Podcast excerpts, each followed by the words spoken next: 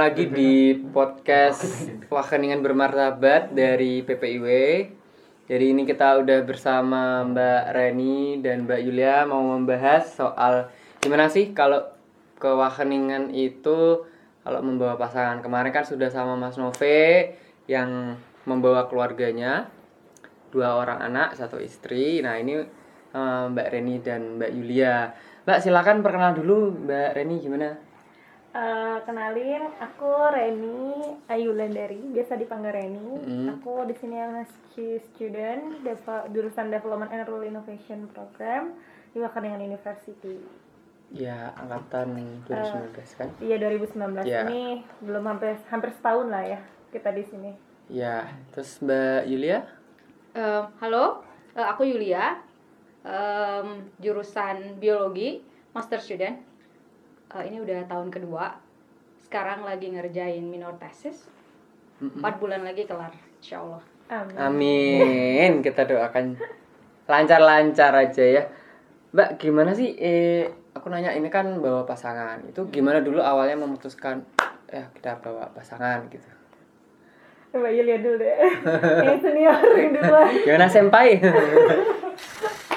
Eh, iya, jadi sebenarnya em, kebetulan sebelum berangkat kuliah emang udah memutuskan untuk menikah dulu kan. Hmm. Eh, jadi aku emang udah eh, udah komit untuk eh, ya udah bawa pasangan gitu. Karena pasti bakal susah juga kan setelah menikah kalau misalnya mau eh, hidup sendiri di sini gitu. Ya udah akhirnya aku memutuskan untuk bawa pasangan. Ah, terus kalau masalah eh, pembiayaan sih eh, karena waktu itu emang pas aku eh, keterima di sini waktu itu persis banget sebelum eh, family allowance untuk yang master student dicabut. Ya. Ah, Ya persis oke, banget oke. itu kalau nggak salah Mei 2017 kalau 17 nggak ya, salah. iya. Dan aku berangkat sini September 2018 kalau nggak salah. Ya. Terus eh, tapi kalau aku udah udah percaya sih eh, sebenarnya eh, cukup atau enggaknya itu tergantung dari kita sih Mm-mm. eh, living allowance yang didapat itu gitu. Padahal di sini eh, kalau misalnya kamar kan beda-beda ya. Mm. Eh, untuk biaya rumah itu emang itu yang jadi kendala terbesar sih. Em, kalau misalnya kita single dengan yang couple biayanya hampir Ya. dua kali lipat gitu. Oke. Tapi eh, karena setelah aku tanya-tanya ada keuntungan subsidi kalau misalnya kita bayarnya lebih banyak ada potongan biaya kayak itu. Misalnya kalau di sini aku bayar 600 euro eh, dapat subsidi sekitar 200-an euro. Jadi bayarnya sekitar 400 gitu. Mm-mm. Beda- kalau misalnya teman-teman yang single mungkin bayarnya sekitar 200 sampai 300 kan. Jadi Iya. bedanya nggak terlalu besar gitu. Hmm. Keuntungan yang kedua adalah karena kita tinggalnya di Wageningen, jadi biaya hidupnya nggak setinggi ketika kita tinggal di kota seperti Amsterdam kayak gitu. Jadi tinggal hemat-hematnya kita gimana ngatur. Paling kalau misalnya masak setiap hari di rumah itu hemat banget. Ya. Mbak Reni? Eh, aku mutusin membawa pasangan emang emang rencananya mau nikah terus eh, alhamdulillah udah dapat juga beasiswa jadi emang direncanain nikahnya sebelum berangkat. Jadi biar Ah, bisa bawa oke. pasangan gitu biar legal kan. Kita ngurus-ngurus suratnya juga gampang. Terus ya alhamdulillah juga sama kayak Mbak Yulia aku mikirnya juga eh, udah nyari-nyari info ya. Kalau di Wageningen itu ya jauh lebih murah lah karena kita kan nggak di kota besar. Jadi makin yakin lagi bawa pasangan dan juga nanya-nanya sama kakak-kakak senior yang udah duluan ke sini jadi ya eh, udah estimasi sih kayaknya eh, bisa gitu terus yakin bawa pasangan Oh jadi ada tanya-tanya sama ya senior harus ya? banyak nyari info Nah itu dulu prosesnya gimana ngurus ya dokumen-dokumen visa bla bla bla itu sulit nggak? Eh, lumayan ribet dan banyak banget tapi eh, tergantung kita sih. Maksudnya tuh semuanya tuh pasti bisa jika dilewati. Apalagi aku kan yang nggak domisili di Jakarta waktu itu lumayan struggling. Kalau Mbak Yulia sampai nginep-nginep di Mbak- hotel ya waktu itu. Mbak Reni dari? Dari Jambi aku. Jambi, Mbak Yulia dari? Lombok. Ah iya jauh ya, beda pulau ini. Iya, karena aku dulu untuknya karena ada keluarga yang eh, tinggal di Jakarta, jadi bisa nginep di tempat keluarga kan. Karena itu eh, banyak banget dokumen dokumen yang harus diurus. Terus ya harus dilegalisir juga ke kementerian sana sini sampai ke kedubes sampai akhirnya ya alhamdulillah dilancarin. Ya. Jadi apakah waktu itu bolak-balik beberapa kali ke Iya. Jakarta? Iya.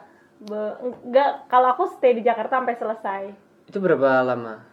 tergantung kita sih. Sebenarnya kalau kita udah nikah dan punya dokumen apa namanya ke buku nikah kalau yang Islam kan buku nikah ya. Tapi Iya. kalau yang non Islam namanya akta nikah kan? Beda Hmm. soalnya.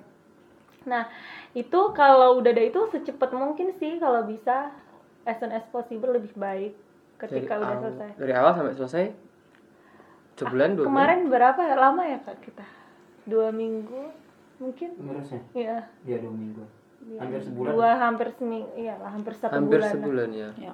Mbak Yulia Kayaknya sekitar itu deh satu bulan gitu. satu bulan itu juga memutuskan tinggal dulu di Jakarta sampai selesai Nah, Atau aku tuh eh, sebenarnya eh, waktu itu minta tolong temen kan, karena Ah. jadi eh, temen aku juga ngurusin. Nah, untuk hal yang bisa aku titip di dia, aku titip dulu gitu.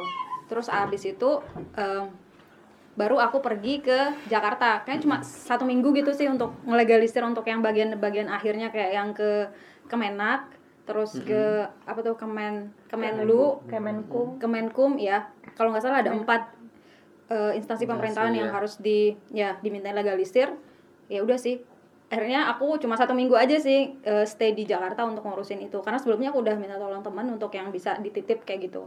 Tapi ada juga pilihan yang pakai agen itu Iya ya? pakai agen. Itu kalau misalnya pakai agen itu keuntungannya kalau emang kita di luar daerah kita kan nggak perlu ya apa habis yang biaya ngeluarin biaya. transport. Ya tapi kita memang lebih banyak ngeluarin uang. Tapi ya lebih bagus sih kalau misalnya nggak mau ini Hmm, tapi ada- karena kemarin aku sekalian mau berangkat jadi aku nggak balik lagi ke Jambi kan. Jadi aku di Jakarta ngurus langsung ya udah berangkat ke Belanda. Jadi aku nggak balik ke Jambi lagi. Makanya sekalian aku ngurus. Ini yang yang yang sering jadi tantangan itu kan cari hunian ya. Waktu Hmm. itu kesulitannya gimana cari hunian? Karena kan pasti lebih gampang cari buat yang single kan daripada pasangan. Mm-mm. Karena eh, kebanyakan kan kalau mahasiswa geningan itu lewat idealis ya.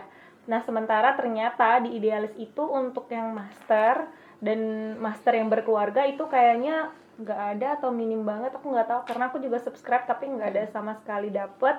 Jadi emang kayak kita non idealis lah dibilang kita harus nyari sendiri di Iya, tempat iya. yang lain.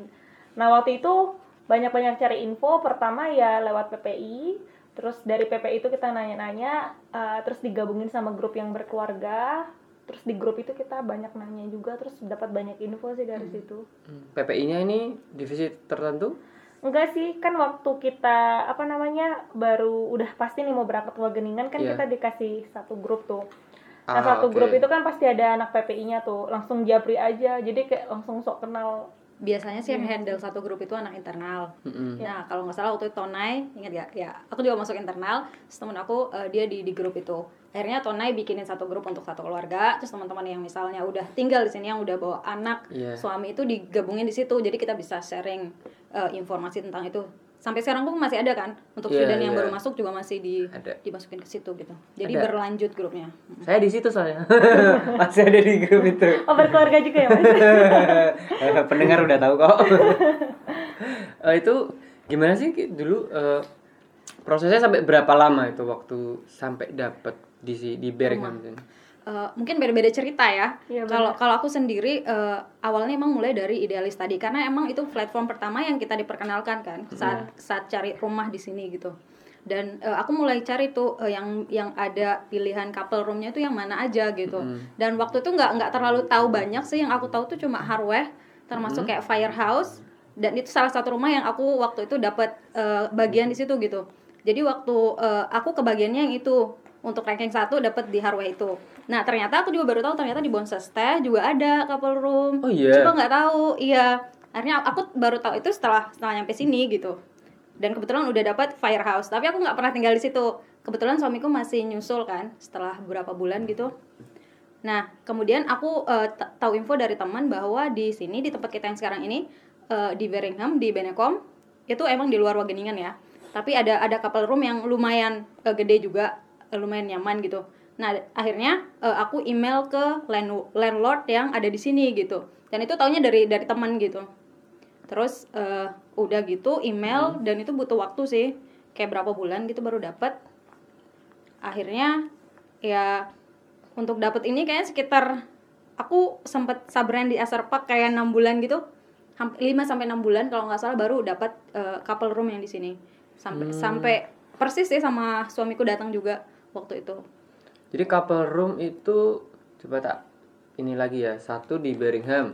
Di Bonn ada, ya Iya. tapi jarang yang tahu ya. iya Harweh. eh kalau nggak salah lagi itu Stadsbring ya.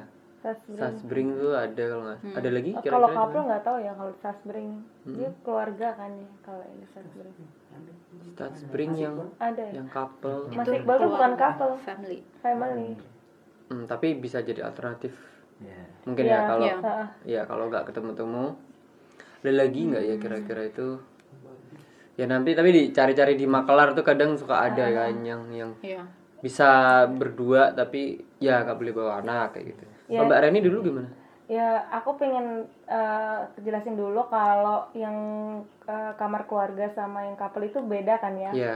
Iya, pastinya kalau couple itu jauh lebih murah. Jadi buat eh, teman-teman yang pengen datang ke sini nggak bawa anak, cuman berdua aja, ya usahakan dapat yang couple karena lebih Hmm, jauh lebih murah, murah. kan. Kecuali emang udah anak, eh, udah ada anak ya terpaksa kan harus yang family. Nah, kalau aku dulu, aku tuh nyarinya jauh sebelum aku ke sini. Jadi kita kan berangkat ke sini Agustus akhir ya.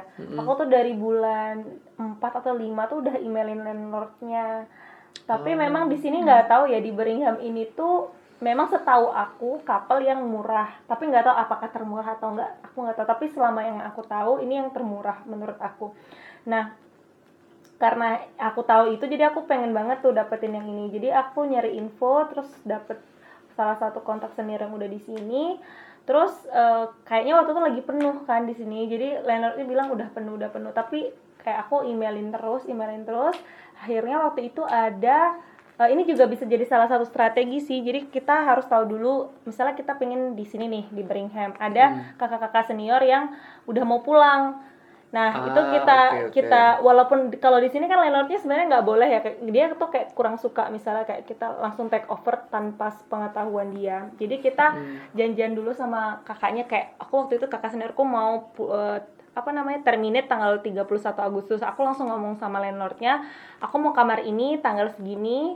Tapi si kakak seniornya ini udah terminate dulu nih. Jadi pas dia sudah terminate ngemail ke landlord, aku langsung take over. Tapi langsung spesifik ke kamarnya. Jadi aku langsung dapet kayak gitu. Oke. Tapi itu dengan email yang berkali-kali sih. Itu Ya. satu kejadian kalau emang lagi full banget. Tapi kadang juga ada yang kosong. Tapi ya tergantung beda-beda cerita Tergantung rezeki lah. Hmm, ada yang mungkin langsung sekali email langsung dapat gitu em, Oke, aku mau ngundang suaminya. Hari ke sini sebentar. mau saya tanya-tanya, nggak saya interogasi kok. nah, eh, buat Mas Zaki sama Mas Dodi ini waktu diajak ke sini itu sebenarnya ada yang di ini nggak sih dilepas atau dikorbankan mungkin pekerjaan atau apa gitu ada nggak sih? Ya kalau dari saya ya, ah, perkenalkan saya Zaki, ah, suaminya Mbak Reni. Nah saya tuh di Indonesia memang ada kegiatan, Iya. ya itu pasti dikorbankan karena memang saya ya mikirnya kalau kalau nggak ada yang dikorbankan ya nggak ada yang ngalah gitu kan. Mm. Nah, jadi ya saya tinggal kegiatan di Indonesia. Kalau Mas Dodi? Iya, saya juga sama. Nama saya Dodi Haryadinata. Eh, saya juga dulu sebelum berangkat ke sini ada pekerjaan di sebuah instansi pemerintahan. Ya, tapi karena istri udah berangkat duluan, terus ya agak kesepian juga sih. Oh, so sweet. agak kesepian juga ya. Mikir-mikir ya lumayan lah ke luar negeri buat cari-cari pengalaman, buat Ah, cari oke, perjalanan oke. hidup gitu. Ya, Jadi ini- akhirnya dikorbankan. Melepas eh, pekerjaan gitu ya. Pas kegiatan lah. Itu buat mendukung istrinya gitu ya. Iya, iya. Oke, silakan kalau mau di ya kalau aku sendiri waktu itu eh, butuh perdebatan juga ya karena kita kan sebenarnya masih dengan ego masing-masing kayak aku waktu itu eh, tetap ma- mau kuliah lanjutin S2 karena udah ada kesempatan buat S2 ke Belanda Iya. terus eh, suami juga masih pengen dengan kegiatan dan kerjaannya di Indonesia tapi akhirnya kita discuss bareng-bareng akhirnya ya harus ada yang mengalah dan di sini suami yang mengalah Hmm, bagus sekali ya. Jadi kan karena baru juga gitu ini ya ya. Iya. Jadi Jadi mungkin masih ya, ya, masih adaptasi tinggi gitu ya. Ah. Tapi ini aku salut sih soalnya dulu aku juga ada temen itu yang yang perempuan dapat S2 tapi habis itu mer- nikah dengan lelaki terus yang laki nggak mau jadinya nggak lanjut gitu. Ya kita mau. Nah, ini ini ini nanti dari teman-teman. Ini step pertama yang harus dilalui adalah diskusi yang baik ya. Iya. Ya. Jadi sama-sama win-win lah ya. Ya. Sama-sama untung gitulah. Soalnya kita ditinggal juga khawatir kan mereka di sini sendiri ya kan. Hmm. Kecuali kalau kita masih pacaran gitu kan ya, ya udah serah gitu ya. Kan udah nikah kan ya. Oke oke oke. Gitulah ya tanggung jawab benar. Mas Zaki juga berat ini kalau ditinggal ya. Hah? Iya, kalau tinggal masih berat lah. apalagi pengantin baru mau pulang mau, mau balik-balik ke sini kan pergi pulang pergi ke sini. itu aja ya, kita kasusnya kemarin em, eh, waktu itu visa dia kan nggak langsung keluar kan jadi aku juga sama kayak Mbak Lia berangkat duluan dan itu kita baru nikah satu bulan ya Iya. terus aku Hmm, ke sini satu bulan. kita pisah dua bulan baru dia berangkat waktu pisahnya udah keluar Ah, oke oke kalau Mbak Yulia ini nyusul kan, Mas? Heeh. Dodi nyusul. kita udah kan? menikah kayak satu tahun ya Ah, Iya, oke. terus aku berangkat. em, Mas Dodi baru nyusul lima bulan setelahnya. Empat Empat bulan. bulan, iya. Empat bulan setelah. Jadi eh, dia mengurus sendiri, mengambil pisahnya ke ini ya, ke ke dubes waktu itu. Kedubes. Heeh. Hmm, lumayan juga ya. Da- jadi saya saya ngurusnya dari sini, hmm. apply-nya. Iya, iya, iya. Ngomong-ngomong aku pengen pengen tahu ke keseharian pasangannya ini kalau misalnya istrinya lagi kuliah kan sendirian di di kamar itu ngapain sih? Ya kita nyari kegiatan ya mas. Mm-mm, Ya alhamdulillah, gitu. ah, alhamdulillah ada ada ada kerjaan sih sedikit gitu kan. Hmm. Ya kayak part time kayak gitulah mas. Nah, Hmm. Tapi ya setelah itu ya kita kadang gangguin orang lah sesama Indonesia ya kan. Apalagi kita ikut kadang ikut kegiatan PPI gitu kan. Iya. Ya itu aja kegiatannya. main bola Main bola. Iya, ini teman-teman main badminton sih. Mas Dodi sama Zaki ini teman main badminton ini. Iya. Iya. Kalau Mas Dodi sama. Sama Ngisi waktunya gimana? Iya ada kerjaan part time juga sih Hmm. Iya. Ke- terus ya udah keliling silaturahmi sama teman-teman juga di sekitar Iya, iya. Wageningen. Oke, terus kalau eh, apa namanya ngomong-ngomong soal kebutuhan hidup ini dari dua keluarga ini gimana? Biasanya sebulan tuh habis berapa sih? Biar teman-teman ada gambaran. Oh, kira-kira nanti habis segini sebulan. Em, dari misalnya kalau aku aku bilang kalau misalnya dapat eh, pemasukan itu kayak 100% ya mungkin 50 persennya buat bayar eh, rumah ya sebelum dikurangi subsidi terus tapi kalau untuk kebutuhan sehari-hari kalau misalnya satu bulan itu eh, full masak di rumah Mm. aku paling estimasi sekitar 150 euro 150 euro itu Iya. kalau nggak jajan. ya kalau nggak jajan benar-benar cuma masak gitu Eh, atau mungkin belanja di depot sekali dua itu masih ke cover 150 euro gitu. Nah, tapi kalau misalnya eh, weekendnya jalan keluar misalnya ke Den Haag atau ke rumah makan restoran Indo kayak gitu mungkin bisa habis 200 euro kali ya per bulan. Karena kan satu porsi makan untuk satu orang aja 10 sampai 15 euro mm-mm. di satu restoran kayak gitu.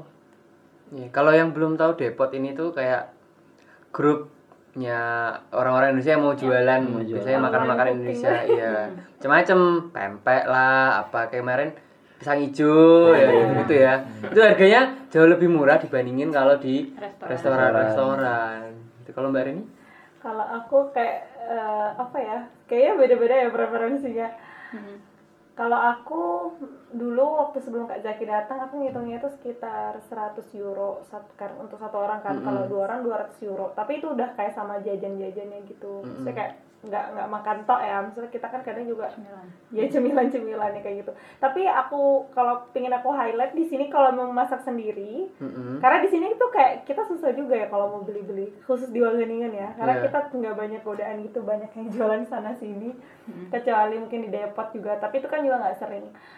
Jadi kayak lumayan ini sih hemat di sini. Jadi sebulan habis berapa? Aku sekitar 200 euro Untuk makan nggak 200. Total, total sama kebutuhan lain. Kayak misal beli bulanan sama hunian juga berapa? salah. Eh, 400 600 sekitar 600 sampai 700an lah ya 600 700 euro Mbak Jadi Julia. kalau 700 sudah nggak jalan-jalan kali Hmm. Iya kayaknya sekitar 600 sampai 700. Aku sampai 700 Kalau ya. include transportasi kayak misalnya weekend Iya. free kayak gitu. Kan misalnya satu orang 25, berdua iya, harus 50. bayar bulanan. Ya mungkin 600 sampai 700 sih. Subscribe Itu udah sama rumah semua. 600 700 ya. Ya. Oke. Masih bisa save. Masih bisa ya. Masih banget sih bisa sih. Masih. Jadi nanti kalian hitung sendiri lah dari Iya. uang bulanannya berapa Masih itu. ada jatah jalan-jalan lah itu. Jalan-jalannya ke mana nih ngomong? Ya maksudnya jalan-jalan. Ibu-ibu. Eh, jalan-jalannya bisa jalan-jalan hanya sekeliling Belanda atau juga keluar. Saat corona. Sebelum corona ini kalau kalau saat corona mah nggak boleh jalan-jalan. Kalau sebelum corona ya karena kita di Eropa juga kan ke sana sini juga lumayan harganya ya. gampang. Tinggal Kemarin aja ke aja. Paris aku naik bus cuma 200 ribu bayarnya.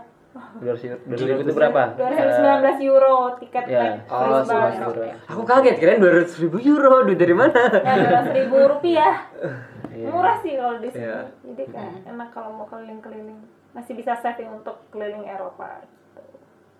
Mbak Yulia sama Mas Dudi jalan-jalannya ke sekitar Oh, Belanda udah jauh ini. Sebelum corona. atau ke Hindia Belanda? ya sebelum Eh, corona. Terakhir kali ke Maroko ya, ke Maroko, Afrika Spanyol. sama Spanyol. Iya. Wah, udah lintas benua Ya, ini.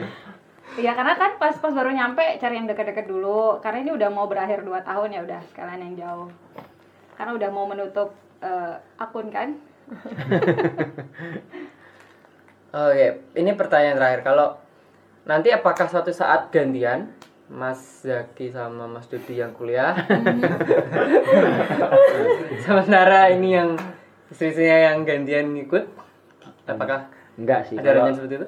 Enggak, kalau kalau rencana rencana saya pribadi ya saya pengen tetap di Indo kerja gitu loh, Mas. Ah, oke. Tapi saya balik lagi nanya sama istri. Kalau memang istri mau nyelesain sekolah setinggi-tinggi ya, sampai S3 ya silahkan langsung dihabisin maksudnya dibabat kayak gitu kan habis S2 kalau dari S3 langsung gitu. Oh. Jadi selesai dia baru aku pulang ke Indo ya usaha kayak gitu kan. Ah, oke oke. Jadi ini Udah mengizinkan lah. Dia kalau memang mau- mendukung ya Iya, sampai mendukung. nanti Kalau memang S3 dia ya. mau sampai S3 ya silahkan gitu. udah kekunci nih Mbak izinnya. Masalahnya beasiswa S3 nya mana? ya nanti itu bisa lah dicari. Hmm. Mas Dodi? Sama sih. Kayak mereka bukan akademis banget anaknya. Kerja keras ya. Kerja aja. Kita di sini kerja aja. Kalau istri juga mau S3 ya silakan. mau lanjut Mbak? Rencana ada tapi kan menunggu eh, ini rencana Allah Iya. Ah, iya iya iya. Rezekinya, iya.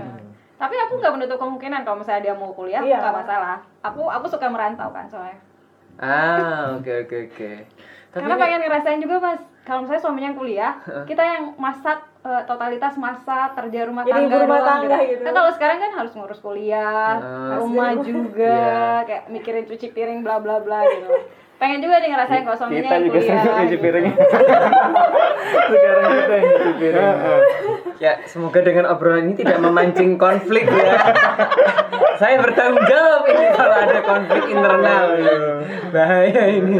Tapi makasih loh udah udah mau meluangkan 20 sekian menit untuk ngobrol-ngobrol. Ini jadi teman-teman nanti yang belum berangkat jadi ada bayangan ya ngurusnya itu sulitnya kayak gimana, tantangannya apa, kemudahannya kayak enak enaknya tuh apa? Enaknya mah ditemenin pasangan ya. Nggak kayak ya siapalah itu. Ya terima kasih sekian. Nanti kita ketemu lagi di episode selanjutnya. Wakeningan bermartabat. Dadah. Nah.